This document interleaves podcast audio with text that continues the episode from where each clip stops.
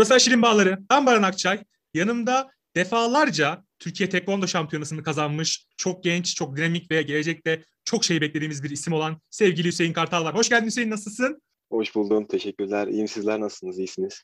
Biz de iyiyiz, ne yapalım? Hayat mücadelesi, uğraşıyoruz. Biraz seni tanıyabilir miyiz ya? Hüseyin Kartal kim? Evet, tabii ki. 20 Mart 2000 Ankara doğumluyum. Babam antrenörüm. Aynı zamanda tekvando sporuyla ilgileniyorum. Birçok kez Türkiye şampiyonluğum var. 9-10 defa. Uluslararası şampiyonluğum var. Avrupa ve dünya üçüncülüğüm var. Bunun dışında aktif olarak devam ediyorum bu şekilde. Peki ya biz her konumuzda aynı soruyu soruyoruz aslında. Hep bu bizim fix klasik sorumuzdur. Sen mi tekvandoyu seçtin, tekvando mu seni seçti? Gerçi babanın antrenör olmasından dolayı biraz ben kopyayı aldım ama hadi bakalım ne cevap Evet. vereceksin. Açıkçası benim seçme gibi bir şansım olmadı. Gözümü açtığımda tatemin üzerindeydim. Yani korttaydım. o yüzden 7 yaşında başladım ben spora. Yani hiçbir zaman hani babam şunu sormadı bana. Tekvandoyu ister misin veya istemez misin diye. Böyle bir soruyla karşılaşmadım veya hangi sporu istersin diye. Kendi aynı tekvando sporuyla ilgilendiği için gençlik döneminde. O yüzden hani gözümü açtım gibi bir sorun, sporun içindeydim diyebilirim.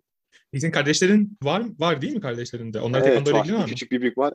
Ve onlar ilgilenemedi. Biraz da yetenek eksikliğinden dolayı. O yüzden- Burayı kesiyoruz. aile içi bir aile içi bir- aile içi linç yiyebilirim. aile içi bir infiale sebep olmayalım şimdiden en başında işin. Peki sen tekvandoya başladın hani spora gittin 7 yaşında başladın bu spora. Ailenin ne gibi destekleri oldu baş? Hani tabii tamam hani babandan kastım şu yani mesela sana hani pozitif yönde oğlum hani e, biz gereken fedakarlıkları gösteririz işte okulun konusunda ne yapmamız gerekiyor gibi şeyler sana sordular mı? Açıkçası hani yani şimdi çok klasik olacak ama okul ve spor pek aynı zamanda ilerlemiyor. Ee, o yüzden tabii eğitim çok çok daha önemli. Ama dediğim gibi biraz daha spor öncelikli e, yaşadım küçük yaşımı ben. Yani okulda biraz aksama oluyordu küçük olmama rağmen. Dediğim gibi hani en çok da tabii destekçim annem de şimdi babam antrenörüm olduğu için biraz daha katı ve disiplinli oluyordu. Genelde annem beni teselli ediyor antrenman konusunda veya maç konusunda o dönemlerde. Psikolojik olarak destek daha fazlaydı tabii ki. Peki senin şimdi açık sözlüğüne sınır bir şey soracağım. Baban çok sert bir antrenör mü? Eyvah. Burayı da kesmemiz gerekiyor. Doğru cevap değil diye. Kesinlikle disiplinli kendisi. O yüzden zaten büyük ihtimalle disiplinli olmasaydı ben de devam ediyor olmaz. Peki ya ben 7 yaşında başladım spora. Ya biz çoğumuz 7 yaşındayken yani çok farklı şeylerle meşguldük. Herhalde ben PlayStation falan oynuyordum yani. Evet. Başka işlerle ilgileniyorum. Sen spora gidiyordun. Bu da değişik bir şey tabii. Yani 7 yaşında Yani, tabii. bu kadar etrafında uyaran varken yani bir spora kanalize olmak, bir şeye kanalize olmak günümüz dünyasında bu kadar zorken hani tamam nasıl buna yaptın yani tamam aileden de gelen bir destek de vardır elbette. Yani babanın baba faktörünün evde sürekli olması da bir şey ama yani sonuçta çocuk da bir yerde şey diyebilir yani özellikle sizin Z kuşağı sporcusu olduğunu düşünürse ben istemiyorum yani ben ben tekvandocu olmak istemiyorum ya ben bu sporla bu kadar profesyonel hayatımı geçirmek istemiyorum diyebilirdin çok rahat bir şekilde. Ya bunun nasıl bu motivasyonunu ne ayakta tuttu senin bu spora giderken, bu spora ilerlerken? Şöyle cevaplayayım. E, Ben küçük yaşta başladığım için mesela antrenmanlara gideceğim saatte uyuma taklidi veya ne bileyim yorgunluk numarası çok yapıyordum küçük yaşlardayken. Ama babam disiplinli olduğu için hani götürüyordu antrenmana. E, Bir şekilde antrenmanda giderken yolda falan şey diyordum böyle hani trafikte takılı kalsak yarım saat bir saat geç kalsam falan diye düşünüyordum. Ama ilerleyen zamanlarda tabii belli bir süreden sonra başarı almaya başlıyorsun. Aldığın başarı tatlı geliyor sana ve daha çok spora yoğunluk vermeye başlıyorsun. Ve bu da tabii işin tadı tuzu. İlla ki bir zorluk geçiriyor. Mesela çok küçük yaştayken arkadaşlarım falan böyle top oynarlardı veya ne bileyim parka giderlerdi. Genelde ben gidemezdim. Vaktim olmazdı çünkü. Okuldan direkt antrenman şeklinde. Antrenmandan gel uyu. Çok küçük yaşta başladım ben bu şey böyle şeylere. O yüzden hani mesela bazen arkadaşlarımızla şimdi milli takım kampındayız. Hatta şey oluyor yani genel olarak böyle bir çocukluk yaşamama durumu olduğu için hatta aramızda şey diyenler falan oluyor. Ya beraber Luna Park'a gidelim falan filan diyenler de oluyor yani. Yalnız biraz şey Yani- oluyor yani bu kadar tekvandocu insanın Leopard'da bir ortamı biraz şey gibi. Çok farklı garip bir durum. Dediğim gibi yani genelde spora milli takım düzeyinde önem veren sporcular olduğumuz için e, dediğimiz gibi çocukluğumuzdan biraz eksiklik kaldı yani açıkçası. Ya işte ben mesela hani yanlış anlama lütfen. Yani burada birçok spordan ismi konuk aldık. Medya düzeyine çok fazla ama sporcuları da konuk alıyoruz. Ve hepsinden ben şunu duyuyorum. Ya biz bu işte var olabilmek için bak başarısını bir kenara koyuyorum. Senin olduğun yerde olmayan belki yüzlerce sporcu daha vardır bu işe gönül veren. Tekvondo yapan, profesyonel tekvondo yapan. Sonuçta bir şampiyon bir tane çıkıyor yani. Hani bir yerde bir, bir şeyin şampiyonu bir kere olabilirsin ama onun ardında da onlarca yarıştığın, aynı emeği sarf eden ve senin kadar emek veren insan da vardır elbette. Belki sen yeteneğinle veya küçük farklılıklarla hani burada yanlış anlama yaptığın işi kesinlikle küçümsemiyorum. Burada belli küçük faktörlerin ön planda olduğunu söylemeye çalışıyorum. Tabii bir yerden sonra çok Evet. çalışmak e, te- başarı tesadüf değildir noktasına da geliyor ama varmaya çalıştığım nokta sen bir şekilde bu sporu o başarı tatlıdır dediğin nokta var ya o noktaya getirmiş Evet. bir insan olduğun için zaten bu böyle gidiyor. İşte 22-23 yaşında ki. bu işe 4,5-5 yaşında başlayıp hiçbir başarı kazanamamak Yani bu çok aslında kötü bir şey bir yandan da. Böyle giden çok insan Evet. olmuştur eminim ki. Ben E, bu tabii ki yani yönü çok oluyor. ya ben bu yöne çok aslında hayret ediyorum. Yani siz aslında çok farklı bir şey bu. Çünkü çok ya biz ta- tamamen sana bağlı bir şey. Ama bir yandan da ya olmayabilir. Yani mesela tekvandocu olursun. Bir, bir şey yanlış gider veya senden kaynaklanmayan bir problem olur. Veya Allah korusun yani bir sakatlık olur bir şey olur. Biter orada tüm emeklerin çöpe gidebilir. 4 yıl 5 yıl çalışıyorsunuz. Yani gerçekten çok zor. Bir de takım da takım sporu da değil bu. Hani birinizin eksiklerinizi En kapatıp kötüsü o zaten. tamamen yani Evet yani takım yani. sporu evet evet en, en sıkıntı olması da o zaten. Yani şimdi kişisel bir spor olduğu için mesela bir maça bir sene hazırlandıktan sonra maç günü hastalandın yani geçmiş olsun. Bitti yani bir sene emek boşa gitti. O yüzden çok riskli de bir spor aslında. Yani mesela takım sporlarında öyle değil. Hani mesela sen eksik olduğun zaman, hasta olduğun zaman veya ufak bir sakatlığın olduğu zaman seni telafi edebilecek arkadaşların oluyor takım sporunda. Tekvando'da kesinlikle öyle değil. Çok dikkatli olmalısın, hasta olmamaya dikkat etmelisin, sakatlığa dikkat etmelisin. Genelde sorumluluğu daha fazla diyebilirim yani kişisel sporun. Peki yani bu noktada mesela yani ne gibi hani kendini korumak bağlamında neler yapıyorsun? Hani kendimi korumalıyım işte çok dikkat etmeliyim. Çok önemli bir yarışmam, turnuvam var. Ne gibi kendini nasıl böyle koruyorsun diğer insanlara göre? Ya, ya genelde normal düzeyde dikkat ediyoruz ama sadece mesela çok genelleme ama yani dikkat edilecek şeylere mesela soğukta terli terli dışarı çıkmamak gibi bu tarz şeylere daha fazla dikkat ediliyor. Mesela bir kere hiç unutmuyorum e, çok önemli bir maçım vardı. O da arkadaşım gece klimayı açmış. Aa, Klimayı açtığı için direkt klima vurmuştu. Sabah kalktığımda burnum ağzım tıkalı bir şekilde. Maç gününde öyle uyandım mesela. Uzun bir emek o zarfta gitmişti yani. Bu tarz şeyler de olabiliyor tabii. Buluyor bir şekilde. Yani tabii yine de dikkat etmek gerekiyor ekstra bir böyle.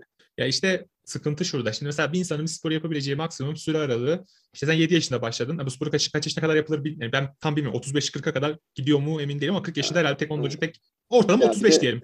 Tabii ki yani bence 35, 36 yani tabii hafif sikletler için biraz daha zor oluyor ama ağır sikletler için yani daha kolay oluyor. Çünkü ekstra bir efor sarf etmek gerekmiyor ağır siklet yapman için yani. Bunun dışında şöyle diyebilirim. Soruyu bir daha alabilir miyim ben? ya? Yok yok tabii. Ya şey hani şeyi anlamaya çalışıyorum. Hani bu spor 35 yaşına kadar gidiyor. Heh, tamam. Ya tamam. 35 yaş veya 40 yaşına kadar gidiyor. Bir sporcunun Evet, evet. maksimum hayatında kendine dikkat etmesi gereken süre aralığı sen 7 yaşında başlarsan 28 ile 30 yıl arasında değişiyor. 30 Evet. yıl yani 30 yıl bir insanın ve ömrünün en güzel yıllarını 30 yıl boyunca adeta bir kampta ve izole bir şekilde geçiriyorsun. Kaldı ki biz sen gerçekten karantinaya da girdin pandemi vardı çünkü yani gerçekten karantinaya da yaşadınız siz şey olarak. Evet. Hani bu bence çok yani ben benim aklıma ermiyor ya. Yani özellikle bu işe yani bu işe girdikten sonra ve bu bireysel sporcunun nasıl çalıştığını gördükten sonra ya sen ne düşünüyorsun bu konu hakkında? Hani bu kadar kontrollü yaşamak senin üzerinde ekstra bir baskı unsuru oluşturmuyor mu? Tabii ki oluşturuyor çünkü bazen başarısız olduğun dönemde şunları da düşünebiliyorsun. Hani hayatımdan bir 15 yıl 20 yıl verdim. Acaba boşa mı gidecek, boşa mı gitmeyecek? Bu kaygı illaki oluyor insanda. Ama tabii e, bu kaygının olması da seni dinç tutuyor bir tık. Daha da fazla çalışıp sorumluluk almanı gerektiriyor. Hani böyle bir kaygı olması. Ama dediğim gibi bir de bizim Türk milletinde yine de şöyle bir algı oluyor. Hani yaş 30'a gelince 32, 33, 34 olunca böyle bir şey oluyor hani. Spor hani bizden geçti gibisinden oluyor ama çok yanlış tabii. Bu da olmaması gerekiyor. Spor bence tekvandoda 35'e kadar yapılabilir bence.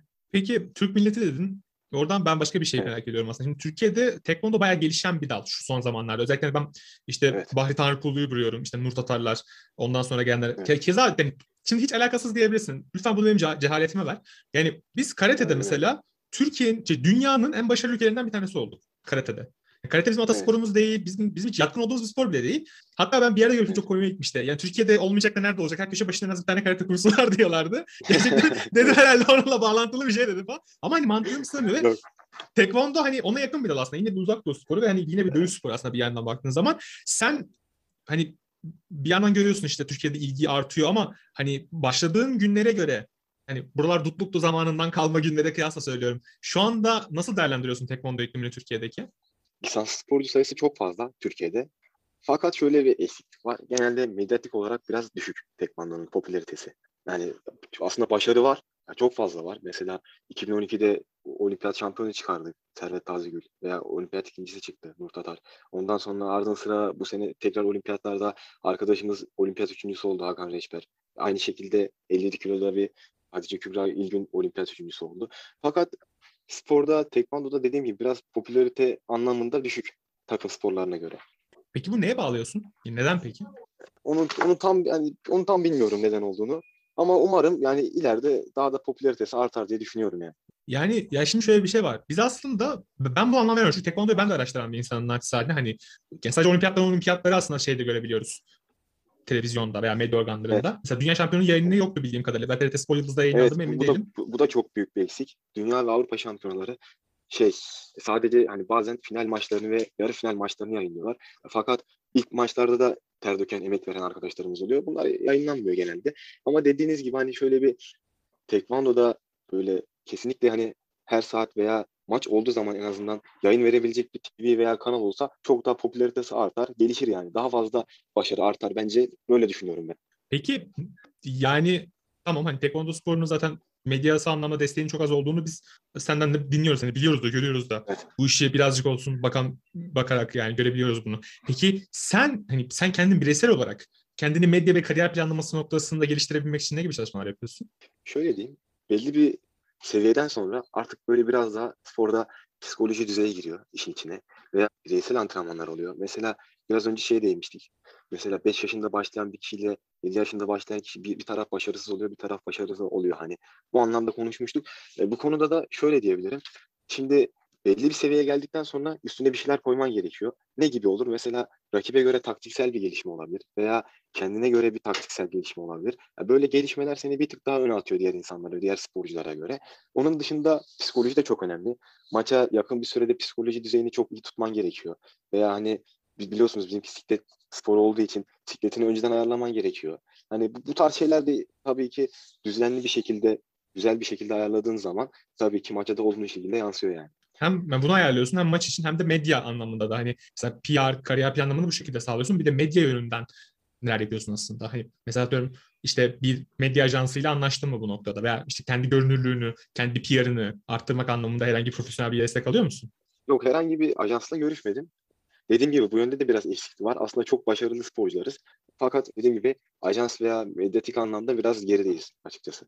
Peki yani hiç mesela federasyonunuz mesela burada bu noktada federasyonlar aslında çok büyük destek veriyorlar. Özellikle e, voleybol federasyonunu ben hani biliyorum biraz olsun. Voleybol şu anda Türkiye'de almış yürümüş durumda. Yani saha şu anda evet. yani statlarda yer bulunamıyor. E, aynı ölçüde başarılıyız aslında. Ya ayıptır söylemesi ben karatecilerimizi hiçbir yerde görmedim reklamlarda. E, tekvando, e, Nur Tatar olsun, Bahri Tanrıkulu olsun. İşte sen genç bir sporcu olarak ön plana çıkmaya başladın yavaş yavaş. Olimpiyat kupası alacaksın belki. Belki biz seni televizyonlarda orada şampiyon olarak göreceğiz. Yani bunlar çok önemli şeyler ve çok değerli şeyler. Bunlar her zaman başımıza gelen şeyler değil ama bir yerden sonra da artık insan görünür de olmak istiyor. Yani diyorsun ki Kesinlikle. ya ben bu kadar ya ben bu kadar başarı kazanıyorum. E ya birisi de beni takdir etsin istiyor. İşte yani marifet iltifata tabidir diye bir laf var. Hani sen bir şey yapıyorsun, ortaya koyuyorsun ve aynı şeyi belki de daha az şey yapan insanlar hiç yani çok daha fazla kıymet geliyor ve çok daha fazla gündem oluşturuyor. Bu çok bilmiyorum bana çok saçma geliyor ya. Ben bu ben bu adaletsizliği evet. çözebilmiş hiçbir zaman olmayacağım. Hiçbir zaman anlamayacağım yani bunu. Biraz popülizm gibi geliyor bana. Yani evet, belki kesinlikle. biraz hani sizin eksikliğiniz de olabilir bu biraz da. Hani sizin kendi dediğim gibi hani dediğimiz gibi hani siz de dediniz açıkçası antrenörler veya hani federasyon anlamında bu tarz şeyler ayarlansa çok daha güzel olur. Çünkü bir yandan da şöyle bir şey diyeyim. Sporcu kendi genelde çabaladığı zaman pek olmuyor açıkçası. Yani genelde arkasında biri durması lazım ve medyatik anlamda, ajans anlamında onların ayarlaması gerekiyor. Ben böyle düşünüyorum. Keşke olsa fakat yavaş yavaş olacak diye inanıyorum yani. Birkaç tane arkadaşlarımız oluyor yani ajansla çalışan medyatik olarak. Onlar da tabii kendileri bulmuyor. Ajans veya dediğimiz gibi menajerleri oluyor. Onlar ayarlıyor. Peki ya ben şunu öğrenmek istiyorum aslında biraz. Hani bu 5 yaşındaki 7 yaşındaki iki çocuk muhabbetinden kaynaklanan. Şimdi sen başarılı olan taraftasın bir de başarısız olan taraf var. İlk tekvondocu sıfırdan başlamış bir insandan bahsediyorum.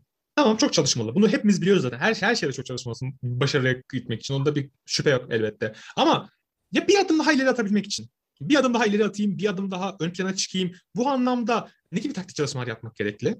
Şöyle diyeyim. Ya genelde kendini geliştiren ve geliştirmeyen ara antrenman yani kendini geliştiren ve geliştirmeyen sporcu arasında tek bir fark oluyor. Antrenman eksikliği ve antrenman fazlalığı. Bir, bir taraf daha çok antrenman yapıyor. Mental olarak kendini hazırlıyor. E diğer taraf tek antrenmanla mesela biz mesela kamp dönemlerinde bazen 3 antrenman yaptığımız oluyor yani. Sabah koşu, öğlen fitness, akşam tekvando antrenman olarak. E, ve bu bu şekilde bir hafta devam ettiğimizi hatırlıyorum. Artık hatta şey oluyordu. Bir süre sonra askeri sisteme döndü. Sabah antrenmanı olmadığı halde biz başta babanın böyle. başta baban vardı değil mi? Evet. Şimdi şimdi milli takım düzeyine geçiyorsun bir süre sonra. Ya artık aileden de antrenörden de uzaklaşman gerekiyor. Artık milli takım düzeyinde olduğun zaman milli takım düzeyinde çalışıyorsun çünkü. Dediğim gibi bu sistemde de bazen çok fazla antrenman yapıyoruz. Çok yoruluyoruz. O yüzden bazen uyku düzeni bozuluyor. Mesela e, şu anda antrenmandan geldik. E, iki saat dinlenme aralığımız oluyor. O iki saat dinlenme aralığında hemen böyle uyusak mı uyumasak mı falan filan oluyor böyle. Dediğim gibi ama bizi bir tık öne iten diğer sporculardan e, tabii ki çok fazla antrenman yani. Yani çok antrenman, çok çalışma. İşte yani demek herhalde benim anladığım kadarıyla ben bunu farklı bir şey söyleyenini görmedim. Ama işin daha komik yanı ben hep bu noktaya parmak basıyorum. Ya çok çalışıyorsunuz. E, başarı da geliyor. E bunu kimse bilmiyor. Bu, bu nasıl bir şey yani? Hani ya ben mesela Evet. atıyorum ya başarılısın ama bence bununla kesinlikle yani federasyonun da çıkartması gereken dersler var. Çünkü çok başarılı bir sporuz tekvandoda ve karatede. Yani tekvandoyu ayrı tutuyorum. Çok başarılıyız. Yani hani çok şeyler başarmak noktasında çok şey yapıyoruz. E sen diyorsun ki ya ben bir haftada 3 kere yani Evet. haftada 3 7 çarpı Antrenman 3 yaptığını 21 biliyorum. Evet. 21 tane antrenman. Yani şimdi ve hani ya beyinsel giden bir şey değil hani yani fiziksel olarak yıpranma süreç ve bu belli bir zaman aralığında gerçekleşiyor. E 7 yaşından 35 yaşına kadar 28-30 yılını harcayacağın bir spor ve medyada ben yarı finale veya finale çıkmasam hiç görünmeyeceğim. Yani şimdi burada bence medyanın çıkartması gereken dersler var. Siz tekvandocuların çıkartması gereken dersler var. Hani Evet. yani neden neden böyle bir şey olmasın ki? Sonuçta ya bir başarı ortaya koyuyorsunuz. Şimdi Türkiye'de mesela hepimiz futbol izliyoruz. Hani futbol sanki çok başarılı olduğumuz bir alanmış gibi. Ne Evet. başarımız olduğunu ben göremedim. Öyle tutulmuş bir başarımız da yok.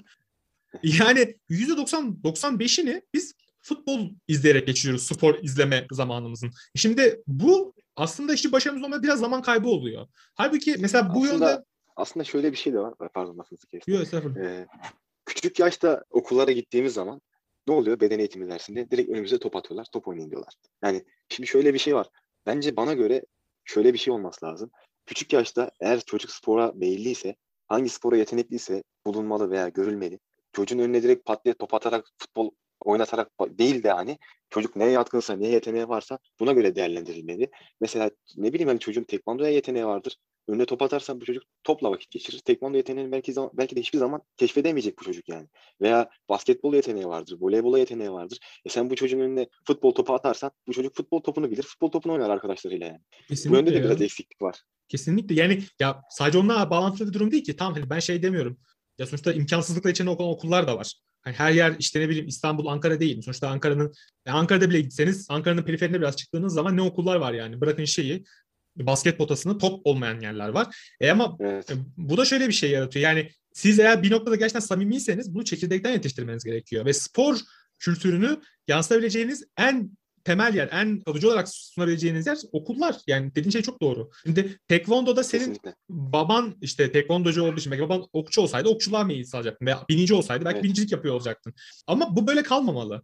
Yani hani yani senin sadece bağlantılı olduğun yani baban bağlantılı olduğu kişi derken babanı kastediyorum. Hani o insan o iş o sporla ilgilendiği için hasbelkader bir yetenek ortaya çıkmış. Yani bu sürekliliği olan bir şey değil. Yani senden sonrası gelecek mi belli değil. Yani bilmiyoruz. Burada çok acı bir şey aslında ya. Ya bilmiyorum. Hani burada gerçekten dediğin şey çok haklısın. Yani o kadar o kadar çok insanı kaybediyoruz ki böyle. Sadece tekvando üzerinde söylemiyorum bunu. Kesinlikle. Yani başka sporlar üzerinde de söylüyorum. Peki ya aslında biraz hani öğrendim ama bir de işin beslenme yönünü ben biraz merak ediyorum. Şimdi bir tekvandocu hani nasıl bir vücut, vücut geliştirmeci çok karbonhidrat protein tüketmesi gerekir. Siz tekvandocu olarak nasıl besleniyorsunuz? Bir de hani sizin siklet durumunuz da var ya. O kilo dengesi konusunda ne gibi şeyler yapıyorsunuz? Ee, normal antrenman döneminde dediğim gibi karbonhidrat yüklenmesi oluyor genelde. Her maça yakın bir tarihte mesela maçına iki hafta olur, bir hafta olur. Bu, bu süre zarflarında da biraz daha porsiyonları küçülterek veya hatta günde bir oyun yemek yiyerek kilo verdiğimi hatırlarım ben mesela yani. Dediğimiz gibi siklet sporu olduğu için bir zorluk yönünde bu oluyor. Kiloya dikkat ediyorsun. Bazen hatta eğer hani mesela en ufak bir sorumsuzluğunda günde 3 kilo veya 2 kilo verdiğim bile oluyor bir gün içerisinde. Almayı biz biliyoruz genelde de vermek çok şey değişik geldi. Ve, Ama- ta- tabii alması kolay oluyor da vermesi biraz zor oluyor açıkçası. Evet tabii tabii. Ya şey var yüzden- değil bu? e, Çok güzel saunadır ne bileyim işte o tip şeylere girenler de ben Evet. duymuştum. Tuz Evet, evet. tuz kısıtlaması falan vesaire. O tartı Kesinlikle. günlerinde özellikle. Var arkadaşlarımız var. Hafif sikletteki sporcular genelde daha çok tercih ediyor. Sauna falan vesaire. yani bir de hani onların vücutlarında artık bazılarının hiç yağ kalmıyor. Direkt sudan veriyorlar maça yakın. Bir gün iki gün kala direkt su olarak veriyorlar kiloyu. Bu şekilde yapıyorlar yani. Şey. Tabii biz biraz daha üst siklet olduğumuz için saunadır falan pek tercih etmiyoruz yani kullanmıyoruz. Bisiklete de gelince biraz geldi yavrunun da biraz hani o tabii senin yavrunun %8'inin altındadır büyük bir ihtimalle. Ama hani o kilo değişimine çok herhalde oynamıyordur. Ama tabii orada Küçük kalmak da sikletlere önemli. göre yani Küçük küçük sikletlere göre. ağır siklete doğru yağ oranı artıyor yani. E, doğru. Küçük sikletlerimizde sıfır ya yağ oranı hiç yok yani. Çok zayıflar. Ya o da biraz şey ya ne bileyim bilmiyorum. Hani sakatlıkları çok fazla arttırmıyor mu? Düşük sikletlerde. Çok Ta- zayıf tabii arttırıyor. Yani kemikler zayıflaşıyor yani kilo verdikçe. Abi ta- ama tabii onlar da ayarlıyor kilolarını ona göre. Peki mesela hani ağır sikletlerde daha mı az sakatlık görülüyor? Böyle bir hiç, hiç gözlemin oldu mu? Hani ya, ya bizim Ya. siklette çok kolay kolay sakatlık olmaz. Yani tamam Allah korusun tabii kimsenin başına sakatlık gelmesin de hafif siklet yani hafif sikletlerdeki sakatlar daha uzun sürüyor. Hani daha iyileşmeleri daha uzun sürecek bir gözlemin var mı? Merakımdan soruyorum yani. Yani şöyle, şöyle bir durum oluyor genelde. Ağır siklet genelde şey güce dayalı bir siklet olduğu için hani yemekten de kısıtlanmıyor. Yiyip içip haldır küldür antrenmana giriyorlar. Ama hafif sikletlerde öyle olmuyor. Çok az porsiyonda çok zor antrenmanları çıkarmak zorunda kalıyorlar. O yönde bir, inceden bir adaletsizlik oluyor. Ama tabii yani iki tarafta başarısını farklı bir şekilde alıyor yani. Fedakarlıklar da oluyor yani. Şimdi baktığın zaman ağır siklette de hani tamamen güce dayalı. Yani güçlü olman gerekiyor. O yüzden dengeliyor iki taraf birbirini bu şekilde yani. Biriniz güce dayalı, biriniz daha çok işte zor ama hıza dayalı diyelim. Ya Değişik ya Tabii, gerçekten. E, siklet olayı çok değiştiren bir faktör aslında bakarsan. Yani siklet olduğu zaman işin içerisinde çok şey değişiyor. Ama değişik ya. Evet. Yani gerçekten enteresan. Peki e, sen bu kadar maça çıktın, bu kadar ulusal ve uluslararası karşılaşmaya çıktın. Hani seni bir unutamadığın bir maç var mı? Ya böyle diyor- dediğin ya bu maçı da unutamıyorum dediğin. Oldu. Üç kere unutamadığım bir maçım oldu. İkisi biri dünya şampiyonasındaydı. Ee, derece maçına çıkacaktım. Alsaydım dereceyi garantileyecektim. O maçta çok heyecanlanmıştım. Unutamamıştım. Kazakistan'da bir rakibim vardı. Onu yenmiştim. Diğeri de Avrupa şampiyonasıydı. Aynı şekilde yine derece maçıydı. Onu da kazandım. Kazandıktan sonra heyecanımı attım böyle. dedim sonunda bitti yani. Aldık dereceyi. E, tabii şampiyonluk hedefimiz ama olmadı. Üçüncülük kısmet oldu. Onun dışında da benim e, küçüklükten bu zamana kadar bir örnek aldığım bir sporcu vardı. Onunla maç yaptım. O da hiç unutamadığım bir maçtı. Yani küçüklükten beri örnek alıyorsun, onun maçlarını izliyorsun. İngiliz bir sporcu, Aaron Cook diye. Onunla maça çıkacağım zaman çok heyecanlanmıştım. Kalbim pır pır pır atıyordu böyle. Maçı kaybettim ama mücadele ettim güzeldi. Olsun çaba göstermişsin en azından. Unutamadığım- Unutamadığım bir maçtı o da. E zaten o maça çıkmadan önce ona böyle hayranlıkla baktığım bir adamdı. O yüzden maça da çok yansıtamadım. Hırslı olamadım yani. Hatta böyle birkaç bir şey atsa da maç içerisinde görsem diye bekliyordum yani. ya çok çok iyi ya. Bu şey gibi futbolcu gibi hani maçın sonunda formasını istersin ya böyle büyük futbolcuların aynen. hani şey gibi yani tatamiden bir fotoğraf çekinebilir miyim falan diye gerçekten değişik olabilir. Evet. Ama tabii ya sizin Evet. hani duygularınız öyle çok değişiyor. Hani e, şey oluyorsun bir yerden sonra hani ya tamam hani hayran olduğun sporcu ama o çok çok değişik bir şey ya. Yani Evet. hiç yaşamadım böyle bir duygu elbette ama yani biraz olsun şey yapabiliyorum. Hani hayal edebiliyorum yani o o hissin ne demek olduğunu. Evet. Çok enteresan. Çok Peki farklı bir olimpiyatlarda yarışan çok önemli başarıları imza atan da bayağı bir sporcumuz var. Hani daha önce de bahsettiğimiz gibi. Sen onlarla hiç görüşüyor musun? Hani onlardan böyle mentorluk anlamında destek oluyor. Bir de hani olimpiyat geliyor. Yani işte 2024 Evet. olimpiyatları geliyor. Onunla alakalı bir mentorluk, bir destek kota noktasında hani şunu yaparsan daha iyi olur falan diye sana hiç destek oluyorlar mı? Tabii ki. Bir de zaten 2020 olimpiyatlarında üçüncü olan ar- arkadaşımız var Hakan Alişler. O benim mesela çocukluk arkadaşım. 11 yaşından beri birlikteyiz yani. Sadece antrenörler farklı. Onun da babası, hocamız antrenör. E, O yüzden Ankaralı o da aynı şekilde. Yani beraber büyüdük diyebilirim. Ya tabii onun olimpiyata gidip böyle derece alması, üçüncü olması bizim için de çok farklı oldu. Aynı şekilde mesela bir yandan bir çocukluk arkadaşım daha var. O da olimpiyat elemesinde son saniye bir salise kala maçı kaybetti. Olimpiyat kotasını alamadı. Bir yandan da diğer arkadaşımız kotayı aldı. Ya iki çocuk arkadaşım mesela böyle biri kotayı alıyor biri alamıyor. Sen de yani şey duygu karmaşası içerisinde kalıyorsun. Onun dışında şimdi 24 için artık e, hedefe başladık. Bu yönde hani bir de arkadaşlarımız üçüncü olun- olunca olimpiyat üçüncüsü. Sende de şu oluşuyor artık. Hani senin arkadaşların, senin kardeşlerin yapıyorsa sen de bunu yaparsın diye tam gazla ilerliyoruz. Bakalım e, tabii arkadaşımızın olimpiyatta üçüncü olması da takım anlamında bizi 2-3 tık ileri attı diyebilirim yani. Olimpiyat anlamında bizde bir de şöyle bir şey var. E, olimpiyat sıralaması diye bir şey var. İlk 6'ya girdiğin zaman rankingde olimpiyata direkt gitme hakkı kazanıyorsun. E, şimdi olimpik sikletlerde tabii arkadaşlarımızla hedefimiz şu anda 2024'e kadar ilk 6'ya girip oradan direkt olimpiyata gitmek inşallah. İnşallah. Yani gerçekten çok ümitliyiz ya. Yani o yani çok Evet. ümitliyiz. Gerçekten çok şey bekliyoruz sizden. Çünkü ya kurtarın bizi ya gerçekten. Şu, şu işlerden bir kurtarın ya gerçekten. Yani çok çok gerçekten gerçek spor severlere de ben bakıyorum. Hani bizim sizin başarılarınıza çok ihtiyacımız var. Ama spot olarak değil. Evet. Mesela sen gideceksin. E senin bir sonraki olimpiyatın sen olimpiyata gittiğinde 24 yaşında olacaksın. 28, 32. Herhalde 32'den sonra bir daha olimpiyata gider misin bilmiyorum ama inşallah hani olimpiyatların hepsini görürsün. Senden sonra gelecek insanları da yetiştirmeni aslında bekliyoruz biz. Hani çünkü Elimizde ki, evet. gururlanacak hiçbir şeyimiz yok ve tekvando bizim çok şey beklediğimiz bir spor. Özellikle işte Bahri Tanrıkulu olsun, onun başlattığı bir akım var. İşte Servet Tazegüller, Evet. Nur Tatarlar, hani bunlar çok önemli sporcu. İşte Hatice Kübra Ergün'den bahsettiğim keza. Bir, Evet. yani bir yere doğru gidiyoruz ama bunun spor olarak kalmaması önemli. Ve bahsettiğin nokta, Kesinlikle. bahsettiğin nokta çok önemli. Şey dedin hani ya işte onların başarması bizi 2-3 tık öne attı. Çünkü aslında hani bireysel Evet. bir spor olarak gözükmesine rağmen e, kampa gidiyorsun. Yanındaki adam, işte çocukluk arkadaşım dediğin insan olimpiyat üçüncüsü. Yani diyorsun ki yani Evet. evet ya o da yaptı ben de yapabilirim ben niye yapmayayım diyorsun. Hani yani şey ben de başarabilirim. Benim de hani ben de yapabilirim ve birlikte yükselebiliriz. Bu işte çok önemli bir şey. Umarım bu duyguyu hiç kaybetmezsiniz. Yani umarım hiçbir umarım. şekilde şey yapmaz e, bu duygu sizde. Peki ya şeyi merak ediyorum biraz da. Şimdi tekvando biraz dövüş sporu. Hani sonuçta dövüş yaptığın aslında bir nebze bir spor.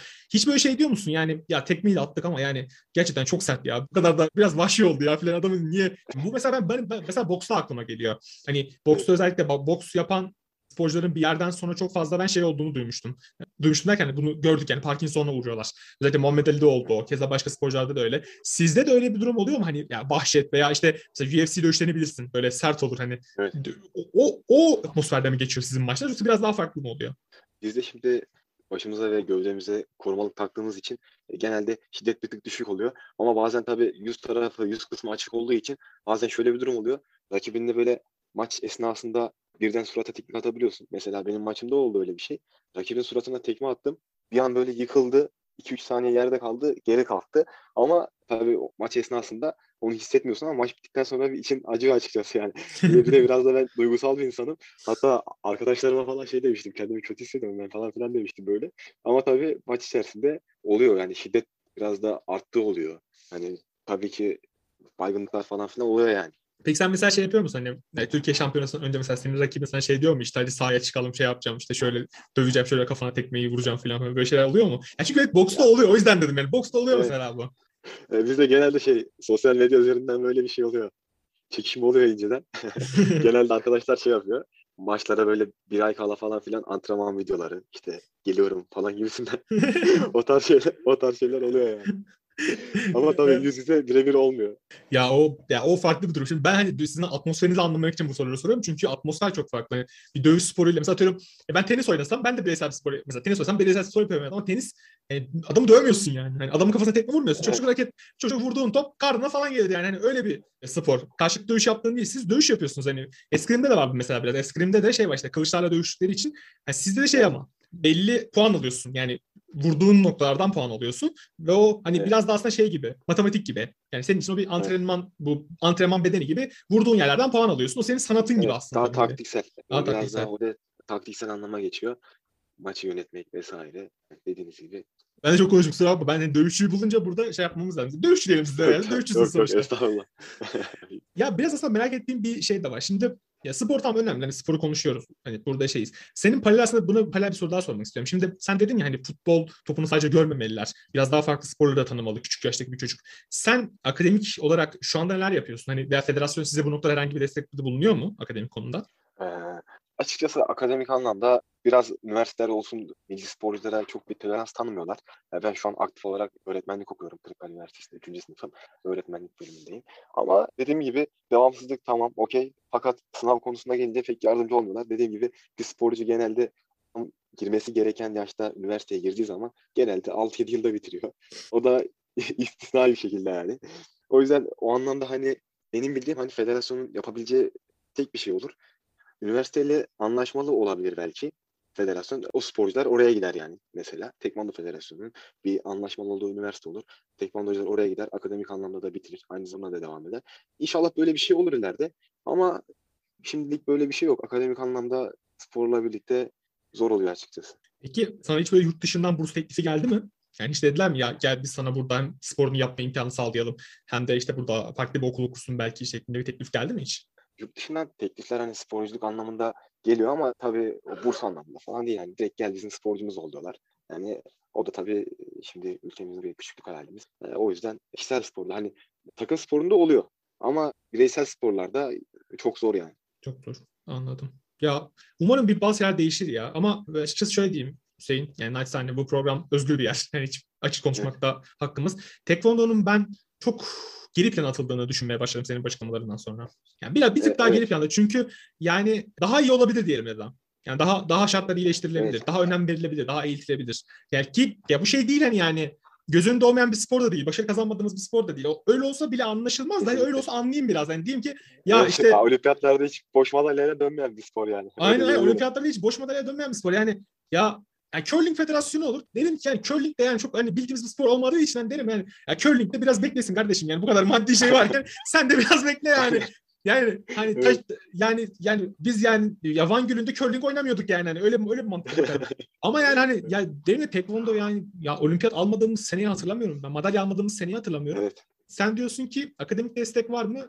Yok. İşte maçlar yayınlanıyor mu? Yayınlanmıyor. E, bu nasıl bir spor şeyi? Nasıl bir spor desteği? Ben sorguluyorum yani. Çok değişik geliyor bana. Anlam veremiyorum evet, yani. Evet onu bazen biz de sorguladığımız çok oluyor yani kendi aramızda. Ama işte bir herhangi bir çözüm gözükmüyor. Ama umarım olur yani. Böyle medyada sesimizi duyurdukça hani sizler vesile oldukça ben inanıyorum ki çok daha güzel yere gelecek yani. Ya umarım sen de burada biraz arkadaşlarını temsil ediyorsun. Arkadaşlarının da sesi oluyorsun burada. Hani işte temasa geçemediğimiz, görüşemediğimiz arkadaşlarının da yani umarım bazı şeyler değişir. Ya ben bir de şeyi merak ediyorum. Şimdi arkadaşlarım da demişken siz hani belli bir kuşağı temsil ediyorsunuz aslında. Z kuşağı dediğimiz Evet. kuşak. Z kuşağının da en fazla gördüğümüz problemi özellikle Naomi Osaka ve Simon, Simon Biles gibi iki örnek var. Ben hep bu örneği veriyorum. Fix yani her yerde bu Evet. örneği vereceğim. Bunlar tükenmişlik sendromuna yakalandılar. Ve bir süre sonra sporlarından en prime dönemlerinde olimpiyata yarışamadılar veya işte büyük Grand Slam'de yarışmadılar. Sen hiç böyle bir duruma yakalandın mı Z kuşağı sporcusu olarak? Dediğim gibi mesela ikisi de sanırsam 19 yaşında bir başarı elde etmişti. İyi bir başarıyı erken elde ettiğin zaman sonrasında genelde sporcularda şu düşüşleme oluyor. Hani başarıyı erken elde ettiği için doymuşluk oluyor vesaire psikolojik sorunlar oluyor. Bu yaşlar genelde tam da böyle 19'da 22-23 arasında oluyor. Bu yaşlarda tutunabilirsen devam ediyorsun ama tutunamazsan dediğim gibi spordan uzaklaşıyorsun veya hani olimpiyata gelip katılamama durumuna geliyorsun. O yüzden o yaş aralığında dikkat etmek gerekiyor bir tık. Sen peki hiç böyle bir durumla karşılaştın mı? Hiç yani tükenmişlik sendromuna girdim dedin. Ya bir Evet, biraz şöyle bende- söyleyeyim. Ya de bu oldu. işte nasıl, bunu nasıl soruyor biliyor musun insan? Ya hiç böyle ya hiçbir şey yapmak istemiyorum dediğin oldu mu? Hiçbir şey ama. Oldu. Dediğim gibi maça çok önemliydi benim için. 2020'de. Çok önemliydi. Tam da böyle hızımı almıştım. Araya pandemi girdi. Tam Türkiye şampiyonu oldum. Önümde maçlar vardı. Avrupa şampiyonasına odaklanacağım. Pandemi dönemi girdi. Kampa başladık. Kampta çok ağır antrenmanlar yaptık, çalıştık. Ardına 21'de Avrupa şampiyonasına gidemedim. Gidemediğim anda böyle bir hayal kırıklığı oldu açıkçası. Hani dedim ki hani bu kadar emek boşa mı gitti vesaire hani cidden üzüldüm. Psikolojik anlamda da çöktüm. Hatta 2-3 ay böyle spordan böyle uzak kalıp kendi kafamı dinlemek istedim. Ama tekrar kendimi değerlendirdikten sonra devam edebileceğimi anladım yani. Tekrar sıfırdan başlamaya çabaladım. Başladım da çok da iyi oldu benim için. Yani 3 ay bir soğuma dönemi oldu. Yenilikten sonra istemedim hani böyle bir. Ama her sporcuda oluyor genelde o dönem. Yani pandemi o kadar kötü etkiledi ki özellikle bizim bütün sporcularımız. Herkes çok kötü etkiledi. Tabii herkesi farklı yönlerden Evet. etkiledi ama sporu çok etkiledi. Çünkü siz dışarıda yapmak zorundasınız bunu. Hani mesela işte pandemi döneminde bazı sporcular işte evden video atıyordu. Ben hatırlıyorum işte evde şöyle çalışıyoruz böyle yapıyoruz falan vesaire Ha, gibisinden. o biraz daha şov gibi ya. Şov kısmı yani. Olmaz ki. Yani Aynen. aynı ruhu veremez yani. Ya bir de şöyle bir şey var. Tabii. sosyal mesafe olayı var ya. Her şey işte Evet. farklılaştı. Antrenmana gidiyorsun. Ya 40 yıllık dostun, arkadaşını maskeyle görüyorsun bir yandan. Senden 5 kilometre ötede neredeyse spor yapıyor. Bir, şey, bir şeyler yapmaya çalışıyor. E sen buradasın. E bir merhaba selam bile diyemiyorsun. Aynı soyunma odasını kullanamıyorsun. İki şakalaşamıyorsun falan. Evet. Ya gerçekten çok saçma bir dönemdi. Ya yani ama atlattık çok şükür. Çok şükür bir de bizim hani partner gerektiren bir spor olduğu için Ha evet bir de öyle durum var. O dönemde o yüzden onun eksikliği çok fazlaydı. O yüzden her şey ardarda arda gelmişti. O dönemde çok şükür atlattık. Pandemi bitti bakalım. Artık yeniden başladık kamp. Bakalım.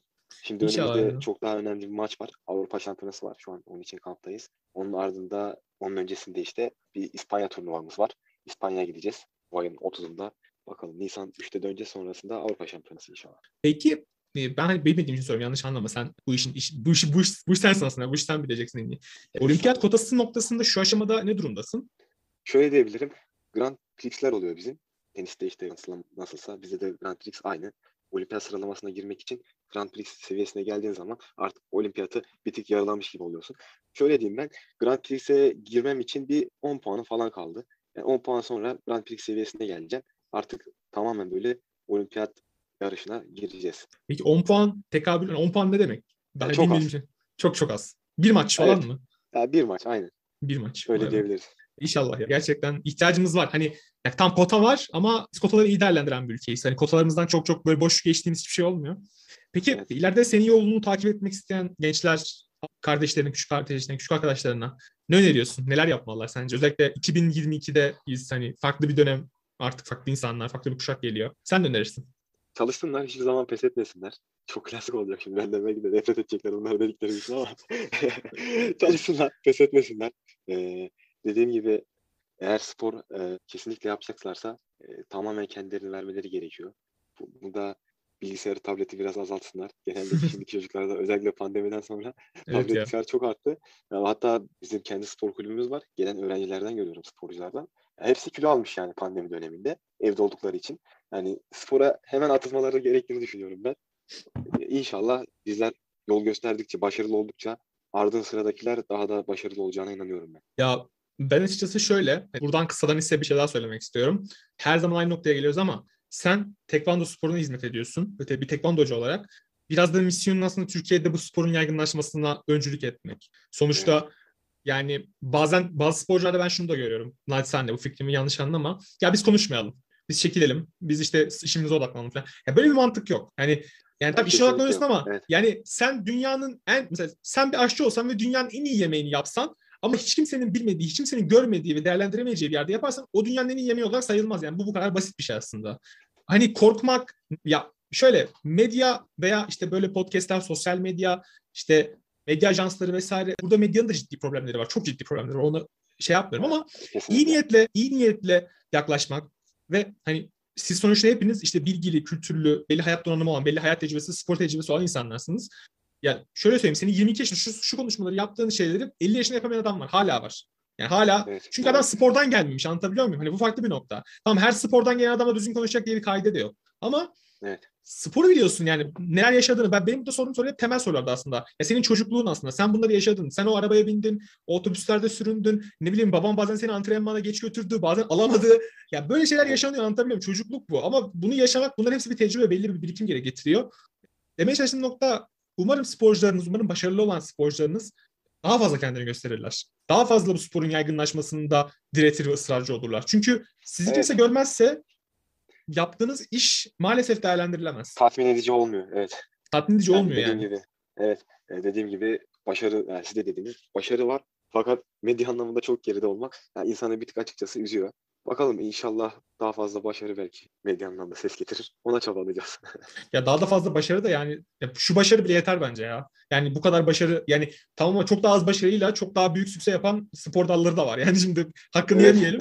Yani, yani var. Yani ana akım medya olarak bahsetmiyorum. Hani farklı sporlardan bahsediyorum. Hiçbir başarımız yok ortada ama herkes onları konuşuyor. Yani Evet. ya farklı. Farklılık. Çok öyle davranmamalısınız. Ben naçizane böyle düşünüyorum. Ya Evet, umarız bu podcast'i dinleyen bir çocuk, bu podcast'i dinleyen bir aile seni örnek alarak çocuğunu tekvandoya başlatır. Umarım. En azından bir kişiyi bir Umarım. kazanırsak ya ben ve hani bundan işte 20 yıl sonra 30 yıl sonra birisi kalkıp ya ben işte Hüseyin diye bir tekvandocu vardı Hüseyin Kartal. İşte ben onu bir dinledim. O benim için çok önemli olabilecek şeyler söyledi ve ben artık bu spora başlamama gerektiğine karar verdim. Bu sporun ne kadar zor bir spor olduğunu biliyorum ama ben bu yolda ilerlemek istiyorum diye karar verir. Umarım birisi dinler. Bir kişiyi bile kazansak çok yeterli olur diye Yani düşünüyorum.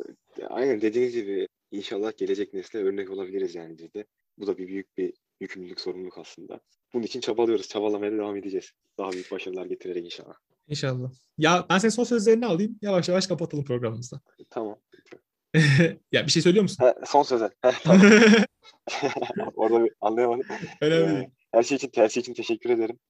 Dediğimiz gibi eksikliğimiz olan medyatik anlamda ses getirmemizdi. Ee, bunu da zamanla sizin gibi düşünce olanları veya sizin gibi düşünce tabii bu şekilde sesimizi duyurabil- duyurabileceğimizi düşünüyorum ben.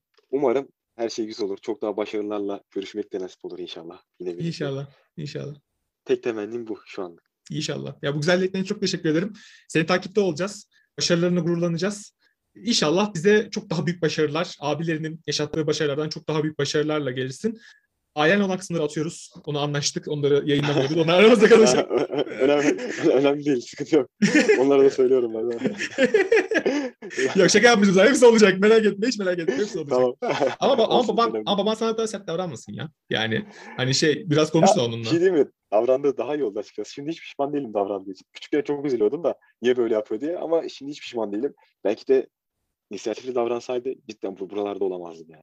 Gerçekten bak bir bence her şeyi toparlayan bir cümle oldu bu. Burada kapatabiliriz bence her şeyle. Hem bir duygusal, inceden. Hem de izleyicilerimizi güzel güzel güzel bitirdik yani.